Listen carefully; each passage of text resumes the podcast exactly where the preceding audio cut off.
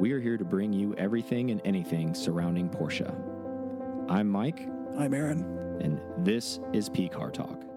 An episode of P Car Talk. I'm Mike. And I'm Aaron. All right, we got the lots in pack, so let's thank our people.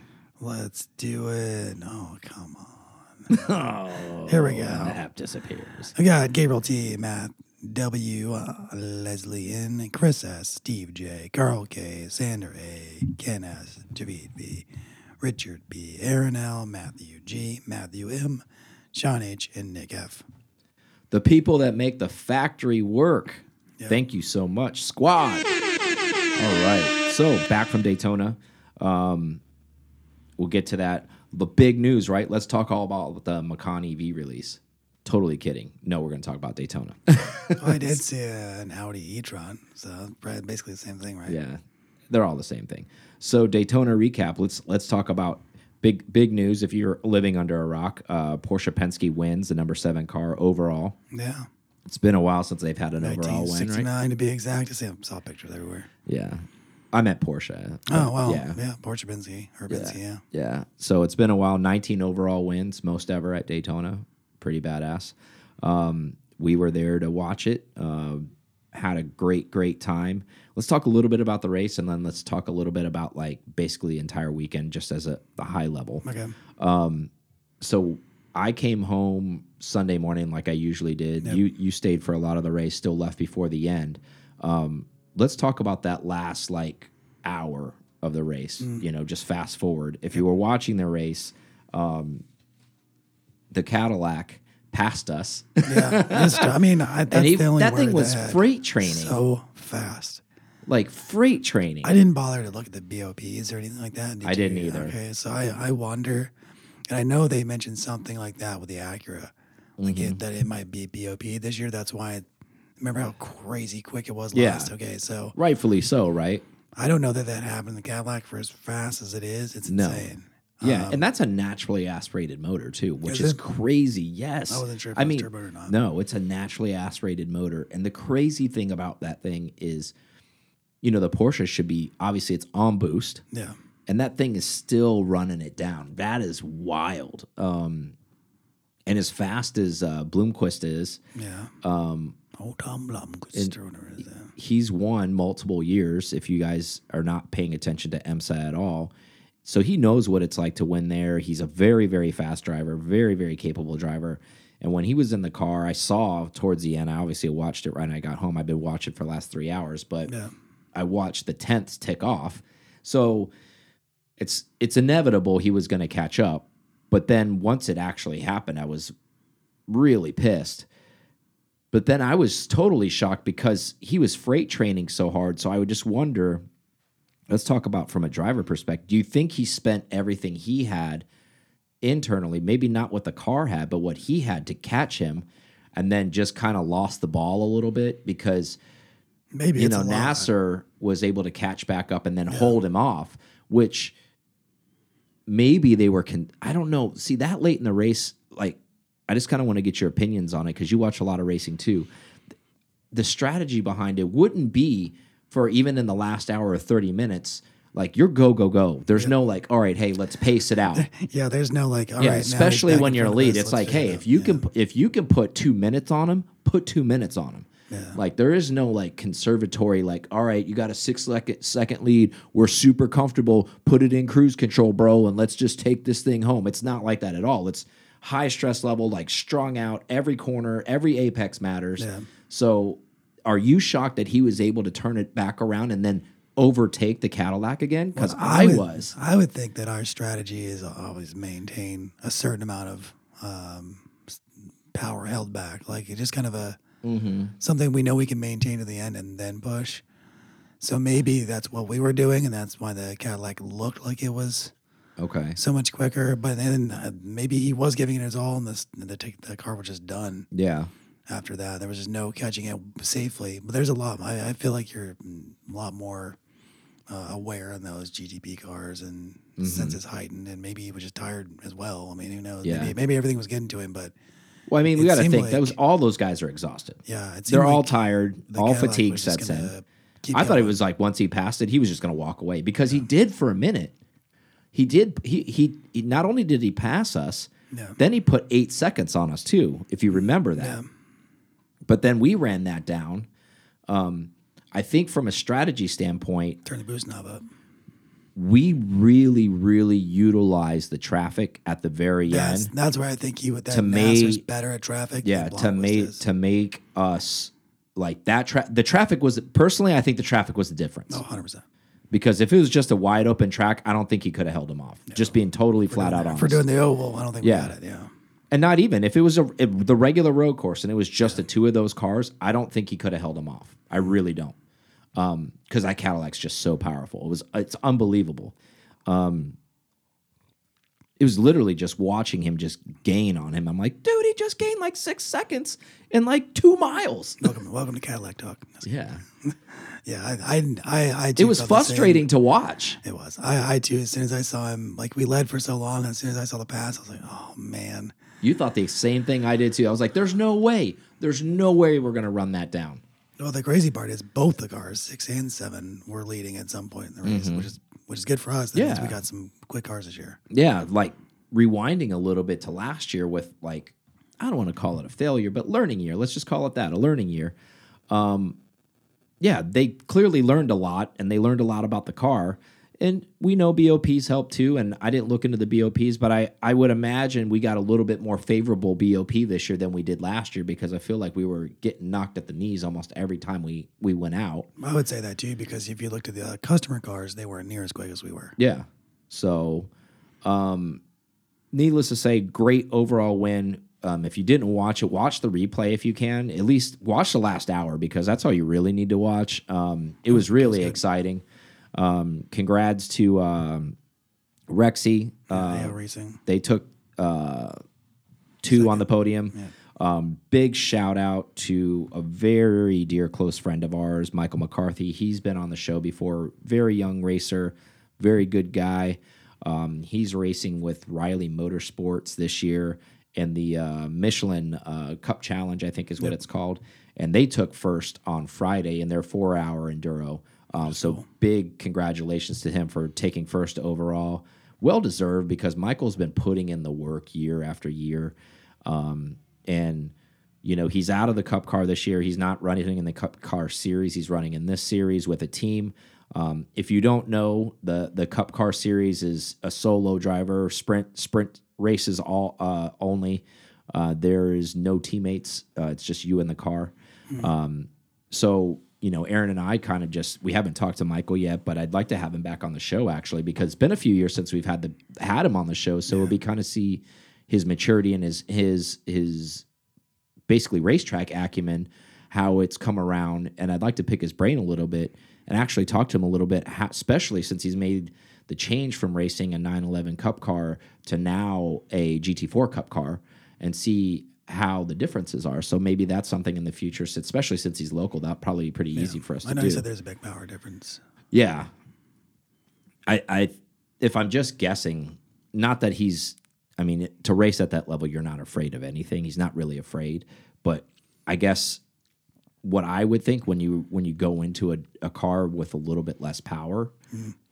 at least my my brain is registering that I guess maybe you could be a little bit more aggressive in the sense of like there's less fear in that car because you're like, what is this car gonna do to me? Like, kidding me right now? Like, down on power. Like, Yeah, I guess so. well, if you look at some of his sends into the corners at Mm. that team, it's like they're really, really fast, especially for a car of that caliber. So it's kind of like he was like literally pushing the envelope, Or he which makes a lot sense. better mid-engine car.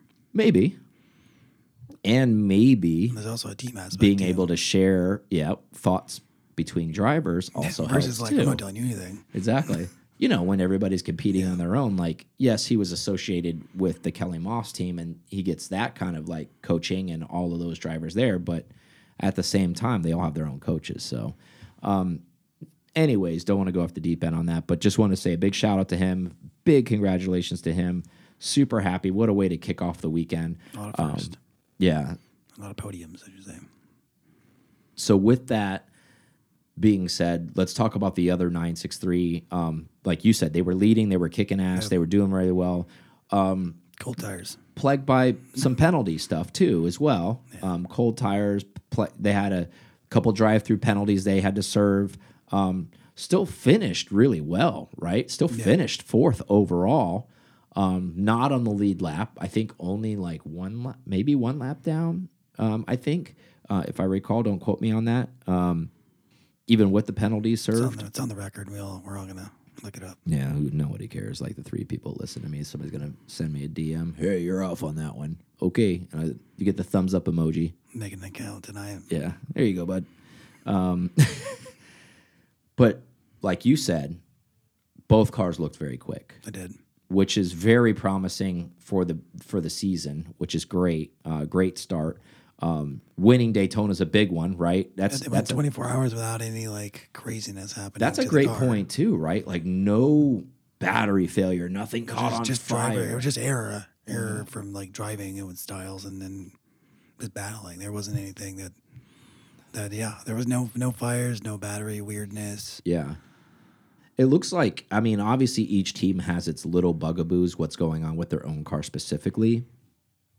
But I would say, as a series as a whole, in the GTP series, um, if you're not aware uh, and you're listening, the tires, they used to be able to do tire warmers. They don't do tire warmers anymore. That's, Oh, that's a rule change. So that's something that's Yeah, that's a rule change.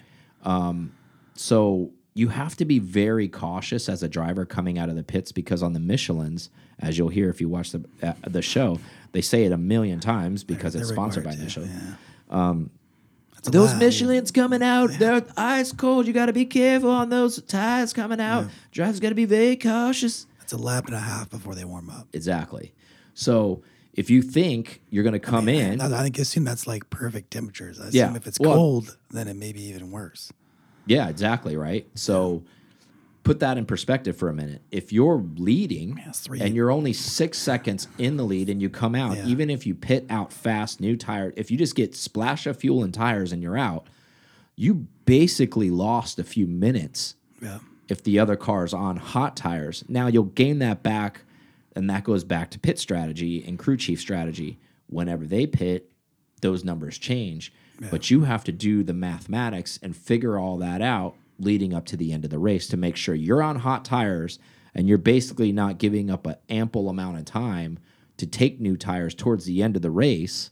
So We'll see how that comes into play in the, uh, the shorter uh, endurances. I wonder Yeah. how that's going to look for uh, like a six hour long beach or yeah, somewhere like that, where there's not a lot of time because 12 hours is still a good amount of time. Yeah, it is. Um, well, I'm sure on those, what they'll probably do is just try to be as gentle as they can to keep to stay out there as long as possible on those. Uh, Long Beach is such a tight track, anyways. It, that's one of those. You know, I've watched it so many times. I'm sure you have.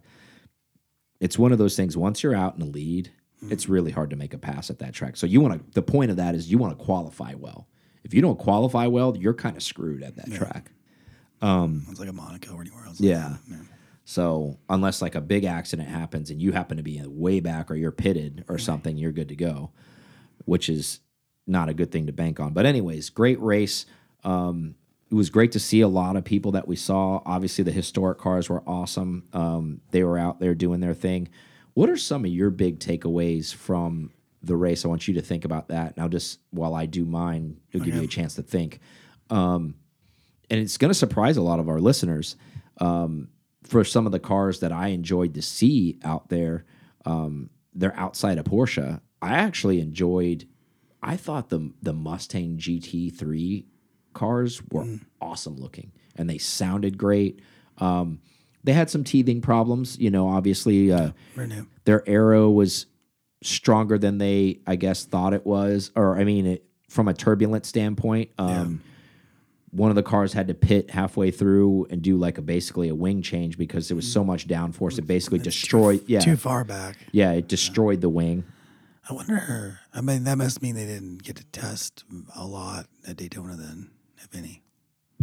Well, from what I read about it was this, and I didn't think about this. And this is how they Or is test. it, or is it traffic? it was the it? turbulent Okay. air from other cars creating downforce and shifting air around that caused that problem because when they sense, when they tested of it, and yep, then you're- when they tested it was always clean air for them So when they were out there, Now, now they know they have to have a lead car, follow car. yeah, well, they need to do a little bit of aero, like probably reinforcement, which they will do.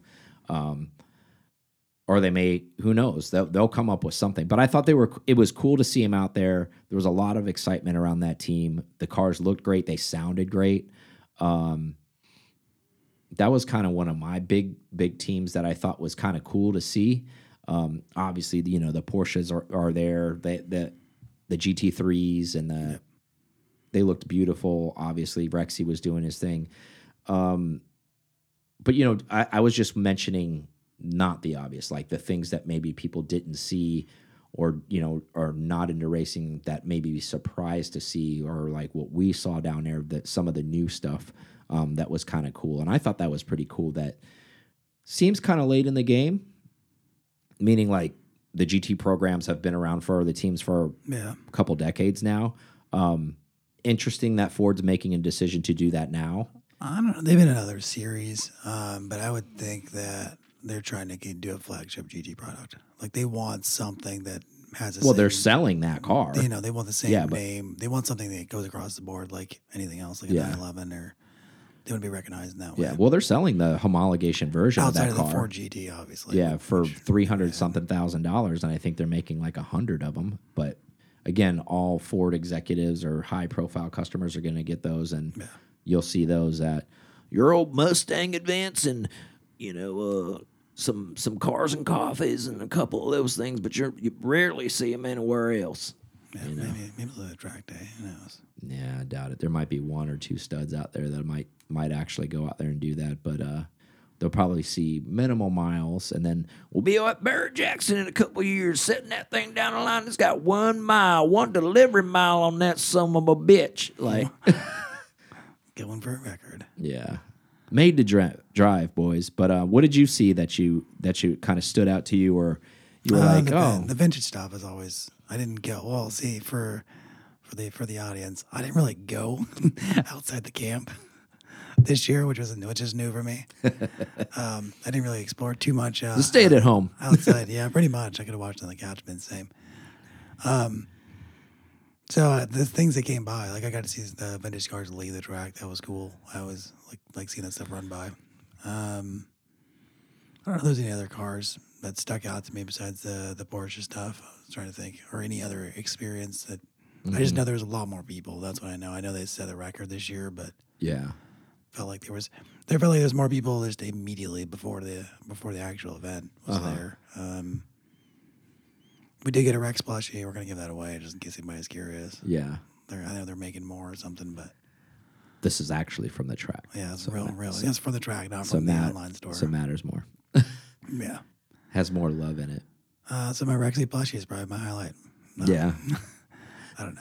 Yeah, I mean, we did kind of stay around camp a little bit more this year. I I only did one basically lap around the paddock, and that was actually just trying to catch up with you guys after I was doing something else. I can't remember what I got hung up doing. Say the people. I think the Yeah, I mean, if if you've never been, you're really missing out. Um, it's it's visiting, and it's we joke around and like, you know, friends from all over, but we we send a, seem to spend a lot of time with our crew friends from Jacksonville, and we joked around a little bit about it, where it's kind of like. You know, you don't have to be a frat boy or you know or a sorority chick to understand this, but you know any kind of team player, it's almost kind of reunion. Like when we go there, we don't live in the same areas. We see each other maybe occasionally at another event, you know, maybe at a rally or something, whatever we end up attending.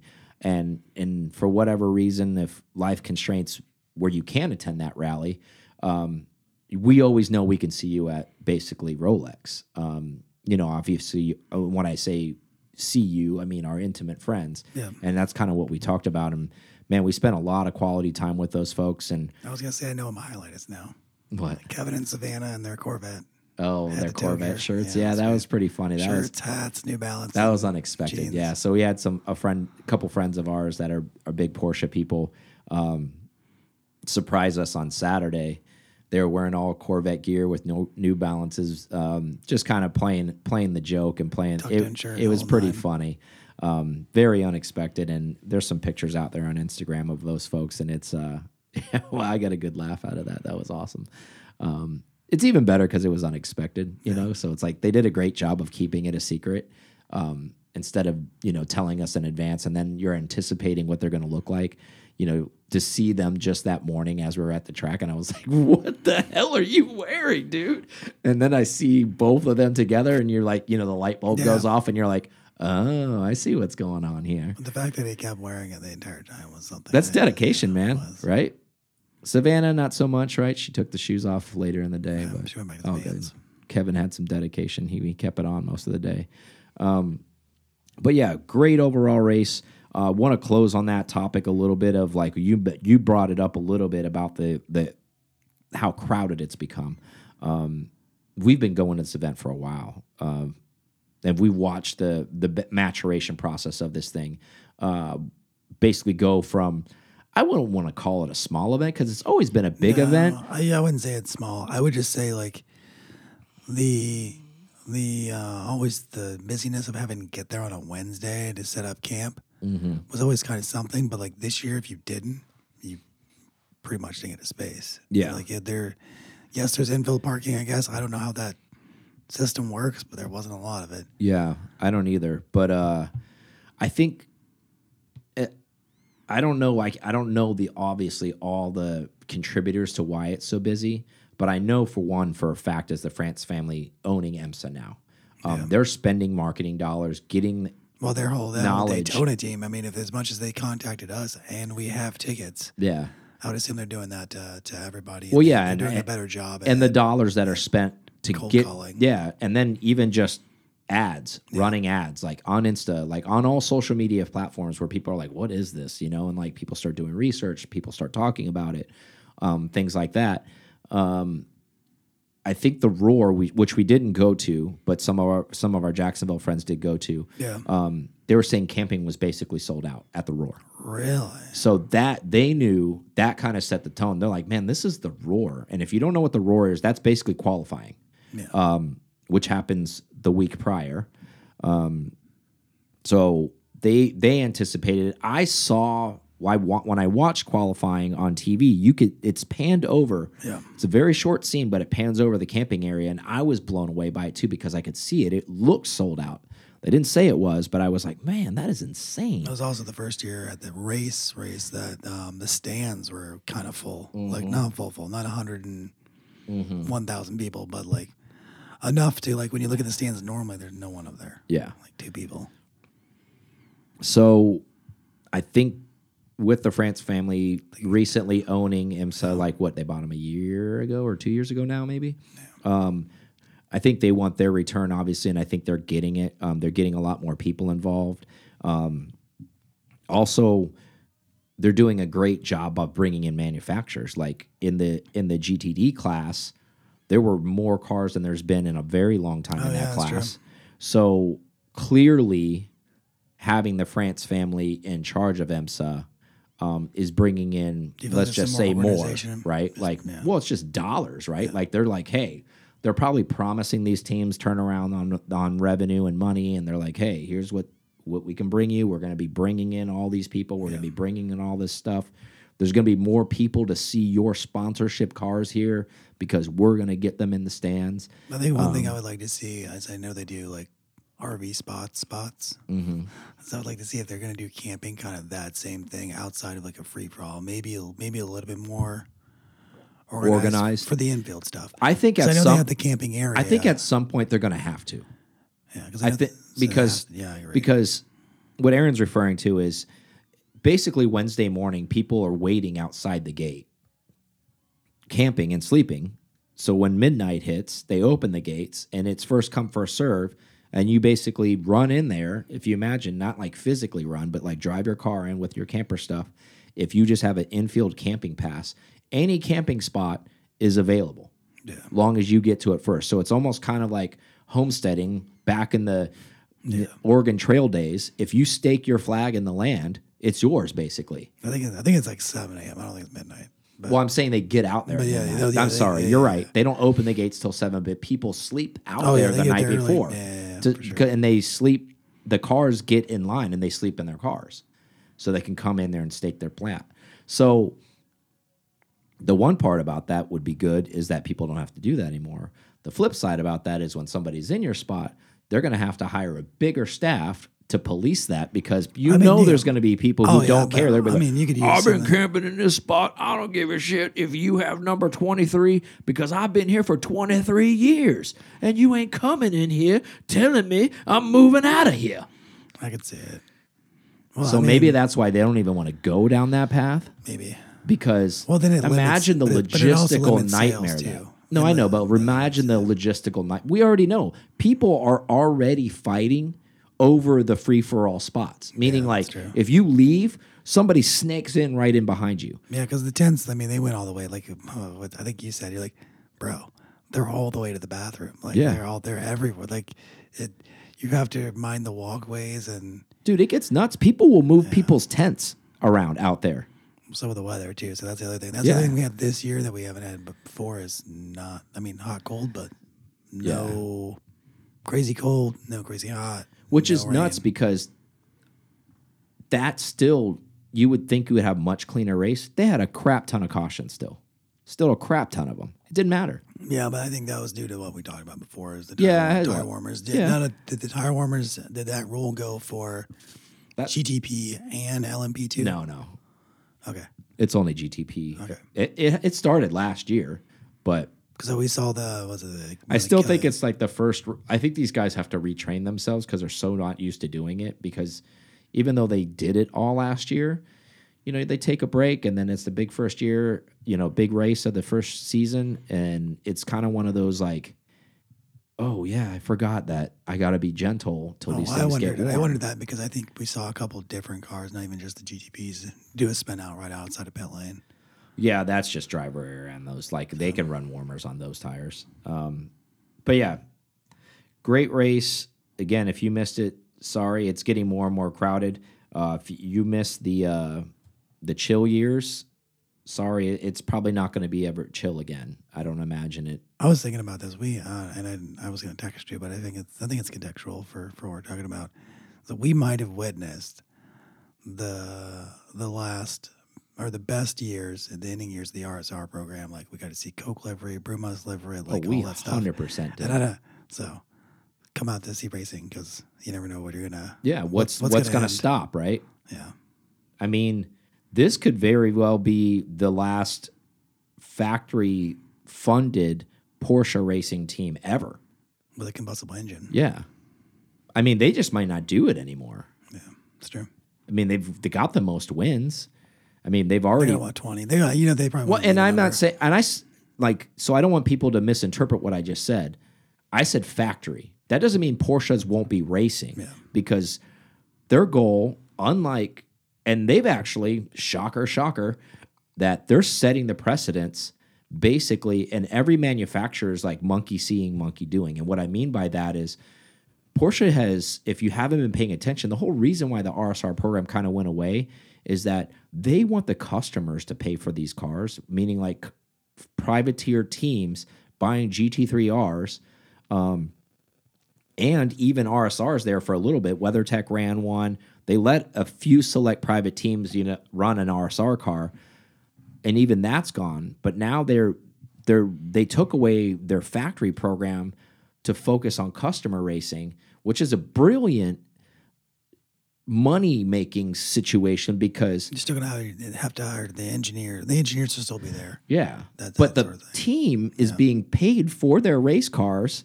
and for their and telemetry else, and too. and all their engineers to support these cars. And if you are a race fan, I'm telling you something you already know. But Corvette's already doing it. They're doing. This is the first year they've done it. Yeah. They've never done it before.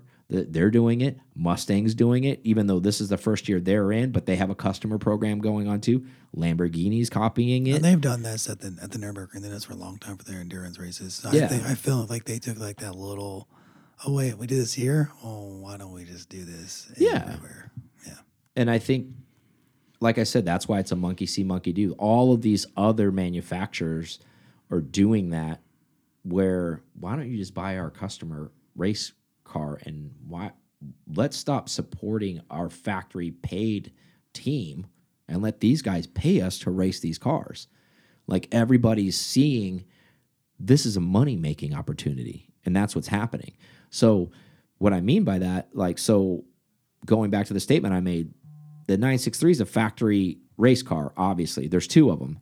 But if you're paying attention, there's also two other ones out there this year that are customer. Proton Competition's running one, and I think Yoda's running one too. So eventually, I wouldn't be surprised to see Porsche factory 963 no longer participating in that series and there being nothing but a customer supported 963 running. So keep your eyes peeled for that because that it seems like the wave of the future and if you're not paying attention to the fine details, that's why that stuff is happening. So let's move forward. Okay, so talking about. I in all seriousness, so time to talk about the Macan for two seconds, basically. faster than GT3, Macan Yeah. Turbo, 3.1 0 to 60. Yay! There we go. But I think the I, I personally think the real the real juggernaut with that Macan EV is the 380 miles of range. It's more than that. Well, that That's yeah. what they're saying. Because I, I was saying, Well, see, I mean, if you're hypermiling, yeah, but I'm saying like real world numbers is like it, they are saying around 380. okay. I mean, That's I, still strong. there's bi- there was actually wild ranges. There was range. I for some reason I was seeing somewhere like four to 500, but I don't know what the actual. From what I gather, like all the data I was seeing, the Macan 4 is the one it's going to get you better range. And the, of the two that are first coming out, there's a Macan Turbo, Macan 4. 380 is about the real world range on the Macan 4. Okay, That's still strong. that's I mean, yeah, that's plenty.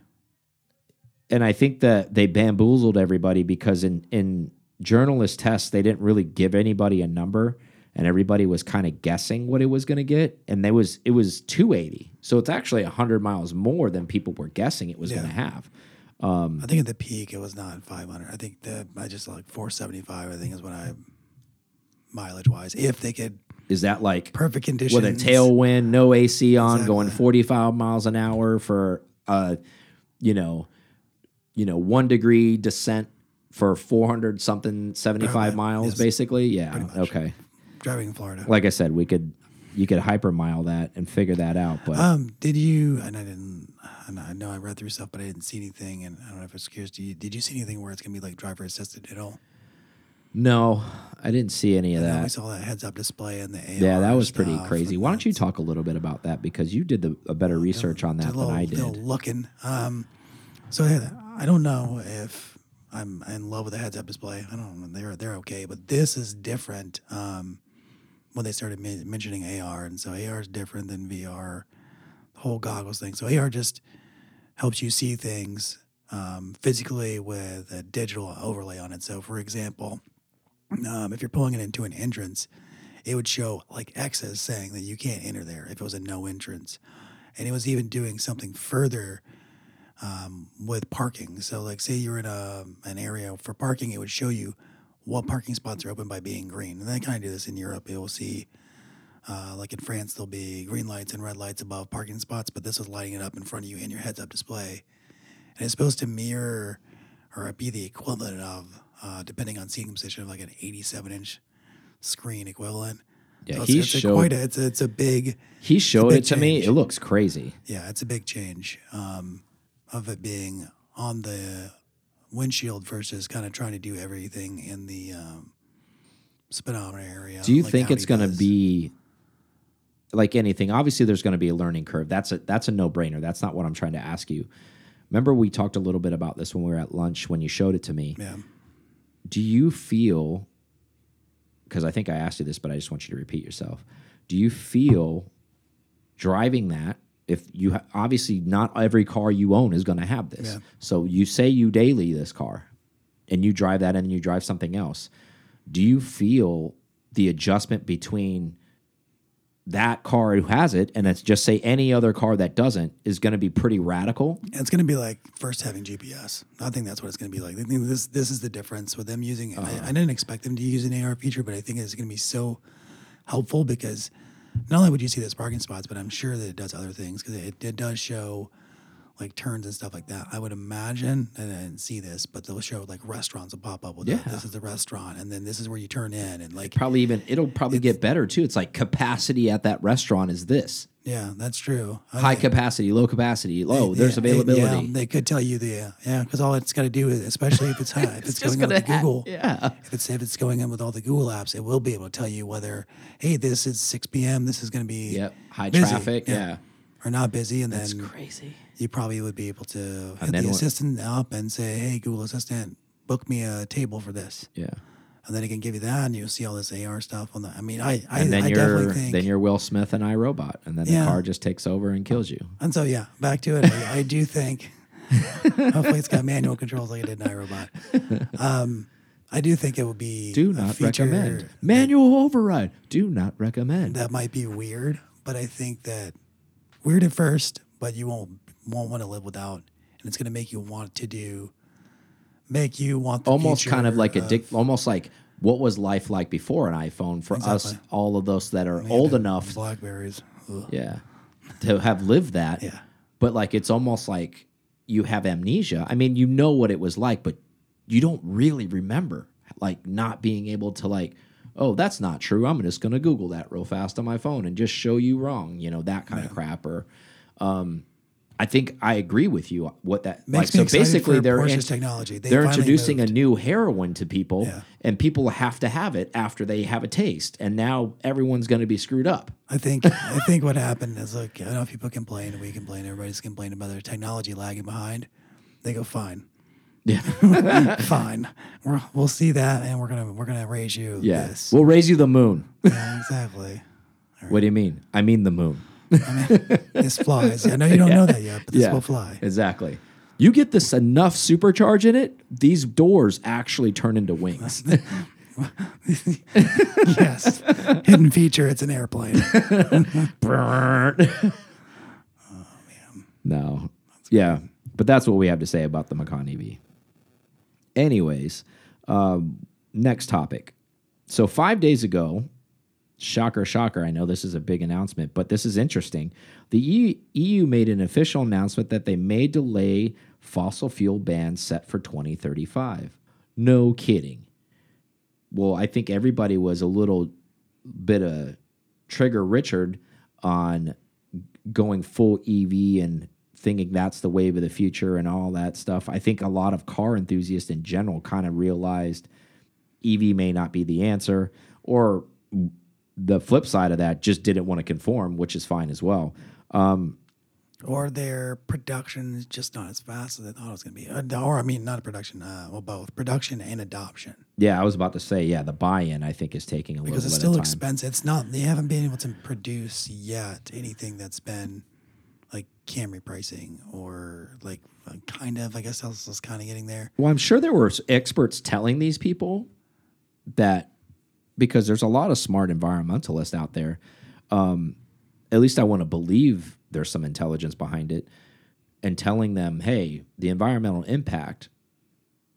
Behind the- this the is not- mines is not the not the move. Yeah, like I'm sure there were some saying that, and then just like in any argument, I'm sure there were some environmentalists saying, "No, that is the move," and just like in any momentous decision, it's almost like I use the analogy of uh, like you have a child, he asks mom, she says no, you ask dad, he says yes, and then he, and the kid goes off and runs and do it. And I feel like this is that situation. I think there were groups of people saying this is a bad idea, groups of people saying it was a good idea, and they just said, "All right, we like you folks. You say it's a good idea. We're going with you guys, and this is what we're going to do." Um, instead of like just kind of like easing into it, everything you know, they pulled the Silicon Valley effect. Uh, you know, move fast, break things, whatever the hell, you know, that kind of crap. Um, so now, yeah, we're breaking the environment because of it. And I think now people are starting to see more intelligent people making wiser decisions to say maybe this isn't the way that we should be doing things. Um, not that we need to nix EV altogether, but maybe it's going to just coincide with combustion engines. Um, Nah, and more, stuff, yeah, and more specifically, a hybridization of a combustion engine is probably the real answer, um, because it's those engines, those combustible engines, are still going to consume less fossil fuel. Um, yes, they will still consume some, Um, and again, we've talked to the if- ends but of not the if they do like a hybrid petrol, but the petrols, Yeah, the yeah. fuels, you know. Yeah, that's what I mean. Is like we've talked to the to we were blue in the face about the e fuels. That's kind of where I was going with it. But you know, if they do a a hybridization combustion engine and they use e fuel, that's probably the real answer, unless they find a way like Toyota's trying to do, where they can actually get EPA and governmental places all around the world to check in and and and start putting hydrogen in stations and start com- making these hydrogen these But again, cars. infrastructure and building it. That's Exactly. you gotta do. I think the abundance, the argument's there for hydrogen because the abundance is so gra- vast. Um, but we'll see. I think the interesting thing about this is what made my, me think about okay, well, now the EU, which is one of the more strict places in the world um, to do bans on obviously fossil fuel, fuels, they were one of the first uh, to sign off on this. Yep, we're signing the docket. We're we're the tip of the spear. We're going to go do this. We're going to shut it all down. Um, and I think for some of these companies that were kind of following suit to say, yep, the wave of the future, we're all going to be all in. And a couple companies, manufacturers specifically, come to mind like Volvo. Like they were our Polestar, we're going full EV before anybody else, right? They were signing, they were signing their name to that docket as quickly as possible. Um, I think Jaguar's not too far behind them. I still think they're making combustion engines, but not for long. What does that do when the world as a whole now like basically there's a balance now instead of everybody surging towards EV now there's a world where we live in where there's hybridization and there's maybe hydrogen fuel or e-fuel or both and they're still making combustion engines and these companies signed off basically we're committing to full EV for the rest of our lives and now they've changed the way they've manufactured because of that they've changed the way the deals that they've partnered with with companies for that what does that do for them their business as a whole Still, I from mean, they're over still- I think over still year good. I, I think they're still good as a business because even though the goalpost change doesn't mean they're going to be there earlier. I mean, under promise, over deliver. Yeah, but you think that it. they they're going to have to turn the ship around a little bit because now that they see that oh well, not everybody, that not doesn't everybody don't believe in it. They mean that means they don't think. Well, I don't think that means that they don't believe in EV. I think that means they don't believe they can that the shift was going to happen as quick. Yeah, I don't know if, but but what I'm getting at is we've talked about Porsche where they've they've single handedly built an entire factory just to make EVs, right? Yep. So Volvo's were pretty small companies, so they basically are sitting at the poker table. They got about a hundred grand on, on their side, and they're they're sweating. Uh, they smell like cold cuts. They're pushing all their chips in, and they're like, "We're going EV all in." And then the turn card comes up, and it's a two, and they needed an ace, and they're like, "Oh shit." Um, so we're going bankrupt now because our entire facility is made to make EV cars, and half the people that used to buy our cars kind of want something combustion and not just EV.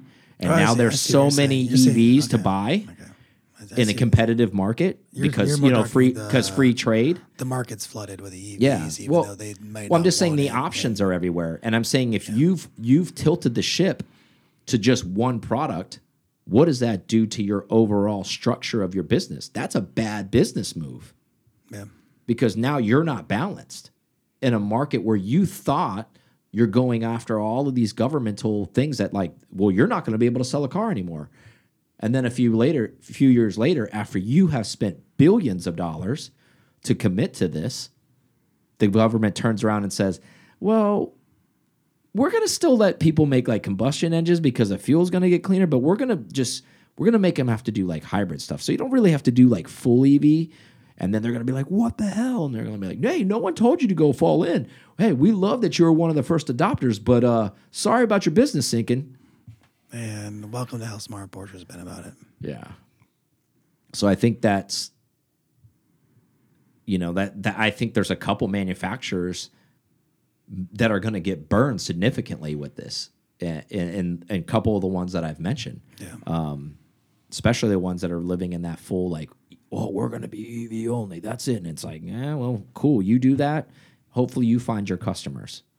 You know, because I think the people that are buying combustion engines are still going to go buy combustion engines, especially if you give them a hybrid option. They're still they'll make that segue to the hybrid before they go straight EV. People that are still Yeah, because your your emissions, uh, your uh, your MPGs are so much better with a hybrid. Well, I think it's the convenience of fueling. I mean, it's just common sense stuff here. Like, There- there's too it's, much, yeah, it's it's installing a charger at your house that you don't want. A lot of people don't want to do, and then it's the the reports Yeah, that are uh, true as watching. a, um, like a, a full circle hybrid or, or uh, yeah, like in, yeah, enclosed hybrid yeah. where you're not having to plug it regenerative. Yeah, regenerative. yeah like Toyota Most of them are. most of the time. most of them are. I like Um, the hybrids they have now, where it gives you like 20 miles of range or 30 miles of range, yeah. and that's and then you're good. um you know, and I think now all the information that that's here that we we can process, and then you know, not to mention how crappy the supercharger stations work, right? Like, oh yeah, there's 16 of them in my neighborhood, and one of them works. But And you're there's- not, you're not supposed to use them all the time either because that's degradation of your battery. Yeah. And then meanwhile, there's a you know I've we've all heard the stories. If you haven't, I'll tell you one. What there's people waiting days to have their car charged. Right? There's there's lines waiting for like how funny is that? Almost like gas rations. Yeah. Like how ridiculous is that? And just to just so you could say you're greener, you're not. You're not.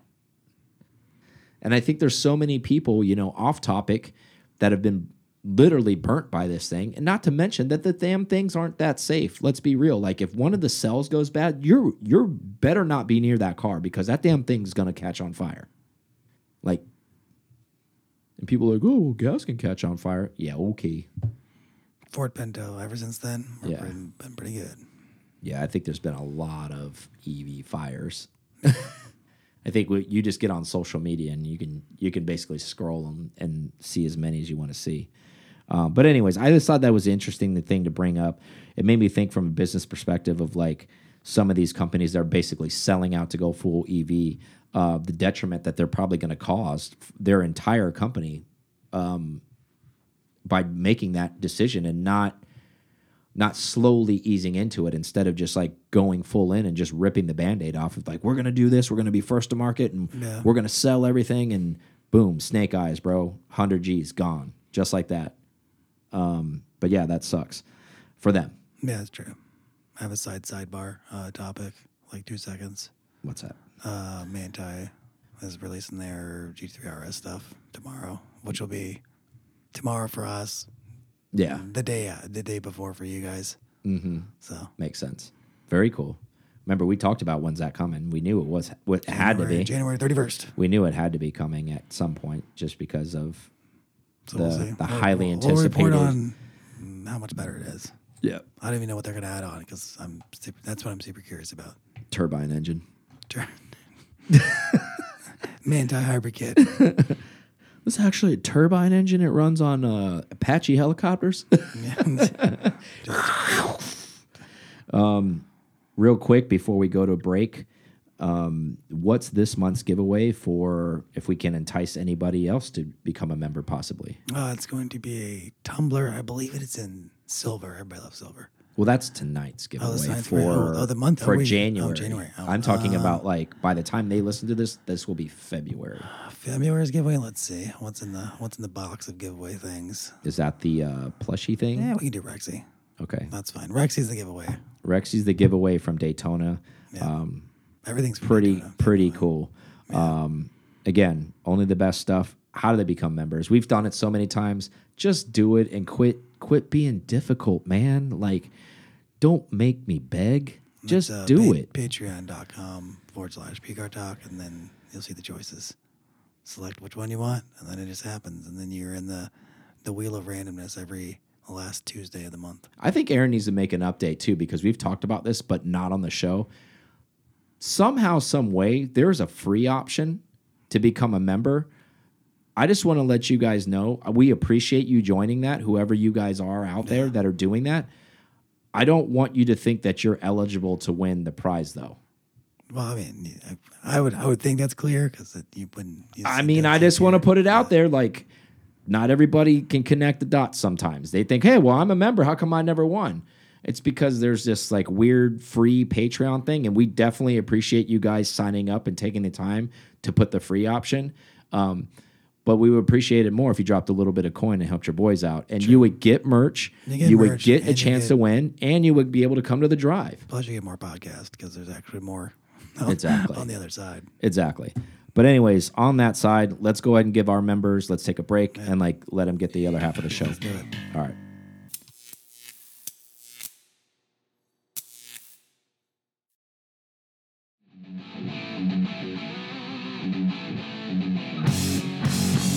All right, We're back. back on the back side of the show. So more Macan EV doctors.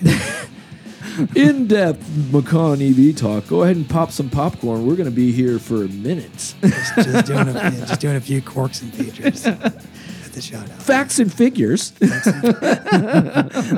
Trademarked. That's funny. Facts and fi-